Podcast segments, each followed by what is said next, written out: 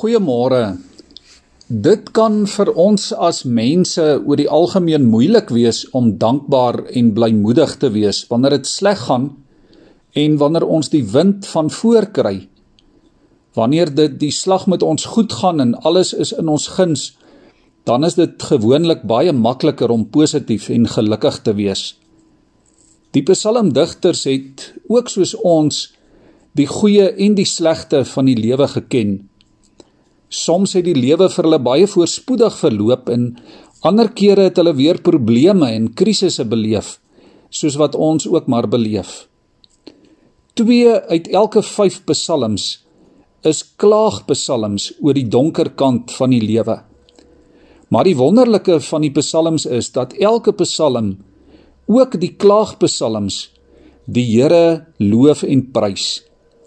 Die psalmdigters kon dit regkry om steeds die naam van die Here groot te maak al het dit met hulle dikwels baie sleg gegaan. Hulle kon dit steeds regkry om onder alle omstandighede te sing. Hulle geloof was geanker in die God van die verbond wat die geskiedenis in sy hande vashou en wat sy beloftes nakom in die lewens van sy kinders. Hulle kon dit regkry om by hulle probleme en hulle onsekerhede verby te leef en om vir God in sy grootheid raak te sien. Die psalms, liewe vriende, roep ons in werklikheid op en roep alle asems in die hele skepping op om God se naam groot te maak en om sy eer en lof te verkondig. Die lewe wat ons het en die asems wat ons het, het ons van God ontvang. En waar daar lewe is, waar daar asem is, is daar lof tot eer van God. Ons vergeet dit maklik as dit die dag met ons goed gaan. Dan aanvaar ons alles dikwels as vanselfsprekend. Dat die asem, die lewe wat ons het en dit wat ons kan geniet, ook van God afkom en dat ons hom daarvoor moet eer en moet loof met ons hele lewe. Ons moet letterlik soos in 'n groot simfonieorkes almal saam die eer van God besing en hom verheerlik. Hier op aarde oefen ons in werklikheid elke dag vir die groot simfonie, vir die groot kooruitvoering wanneer ons aan die einde van die tyd by die Here God sal wees. Wat 'n wonderlike vooruitsig. Wat 'n groot motivering en aansporing vir jou en vir my in ons lewe van elke dag. Die vraag vir môre is: is ons reg daarvoor? Is jy en ek elke dag besig om ons lof aan God in te oefen vir daardie groot en heerlike dag?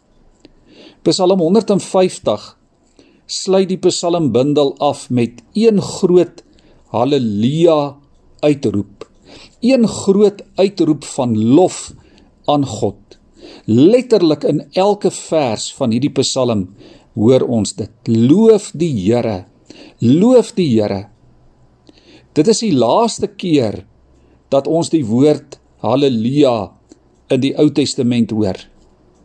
Uiteindelik hoor ons dit eers weer aan die einde van die Bybel in Openbaring 19 waar God se finale oorwinning en sy koningskap gevier word.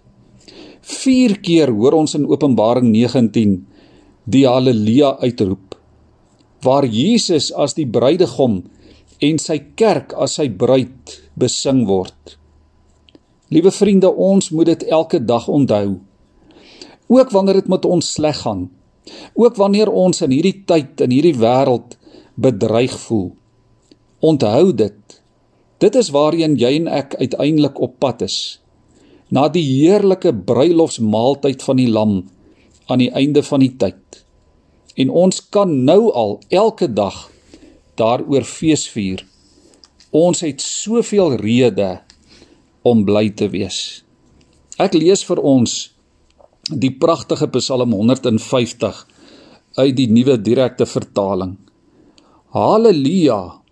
Loof God in sy heiligdom Loof hom in sy magtige hemelkoepel. Loof hom oor sy kragtige dade. Loof hom na die omvang van sy grootheid. Loof hom met die geskal van ramshorings. Loof hom met harp en lier. Loof hom met tamboerijn en koordans. Loof hom met snaarinstrument en fluit. Loof hom met die klank van simbale. Loof hom met die slag van simbale. Alles wat asem het, moet die Here loof. Halleluja. Kom ons buig ons hoofde in gebed voor die Here. Here, dankie. Dankie dat die lewe saam met U 'n feeslewe is.